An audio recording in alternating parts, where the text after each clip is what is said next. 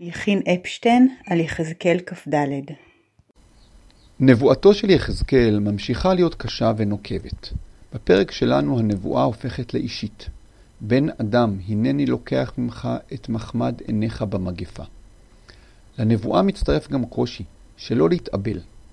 המדרש בבבלי סנהדרין כ"ב עמוד א' על פסוק זה מוזר. לכאורה, הוא רק מביא את הפסוקים ומפרש את הברור מאליו.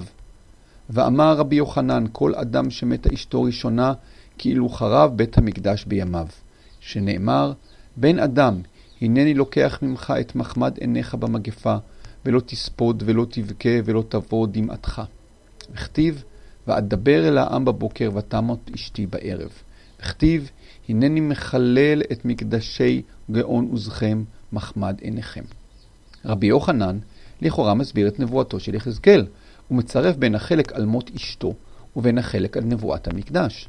השאלה על דברי רבי יוחנן היא, מי לומד ממי? האם כדי להבין את עוצמת החורבן נדרשת הדוגמה ממות האישה? או שמא כדי להבין את עומק השבר באובדן בת הזוג הוא מושווה לחורבן הבית? מאוד קל לומר שמות האישה שיותר נפוץ מחורבן הבית הוא המלמד, כמו בנבואות יחזקאל. אבל נראה לי שיש כאן שני צדדים למשוואה. בתקופתנו, כאשר בית המקדש אינו בתודעתנו, השוואתו של יחזקאל נותנת למות האישה את הפן הדתי הערכי. אבל מה לגבי דורו של יחזקאל? האם חורבן בית המקדש לא אמור ליצוע זעזוע רוחני ערכי? מסתבר שלא, ולכן לקח יחזקאל את חורבן ומשווה אותו למות אשת נעוריו. נראה שרבי יוחנן אומר לנו משהו נוסף.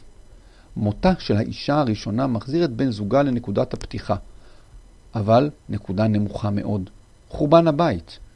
אבל, וזאת צריך לשים לב, אנחנו מדברים כבר אחרי חורבן הבית השני, ולכן כשרבי יוחנן משווה לבית המקדש, הוא גם אומר שיש רפואה לאבל. אמנם הקושי בלתי אפשרי, אבל יש ממנו תקומה, יקום בית מקדש שני. ומכאן אנחנו חוזרים למסר ההפוך. גם חורבן הבית השני, גם לו לא יש תקומה, בימינו או בימי ילדינו. חורבן הבית והאישה, לשניהם יש מזור ומענה, גם אם היעדרם מהווה משבר שלא יתואר.